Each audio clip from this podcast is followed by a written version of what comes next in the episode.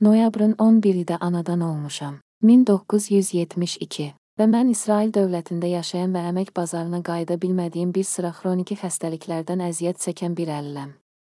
Təəssüf ki, İsrail dövləti mənzil vəziyyətində olan əlillərə heç bir ağlabatan həll təklif etmir.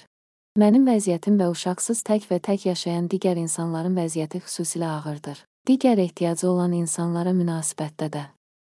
Minimum hörmət uğrunda mübarizədə fərdi və ya tək insanların sosial hüquqları uğrunda çalışan və ya mübarizə aparan təşkilatlar axtarıram. Maraqlanardım. Çünki belə təşkilatları tanıyan hər kəs mənimlə əlaqə qurdu. Hörmətlə.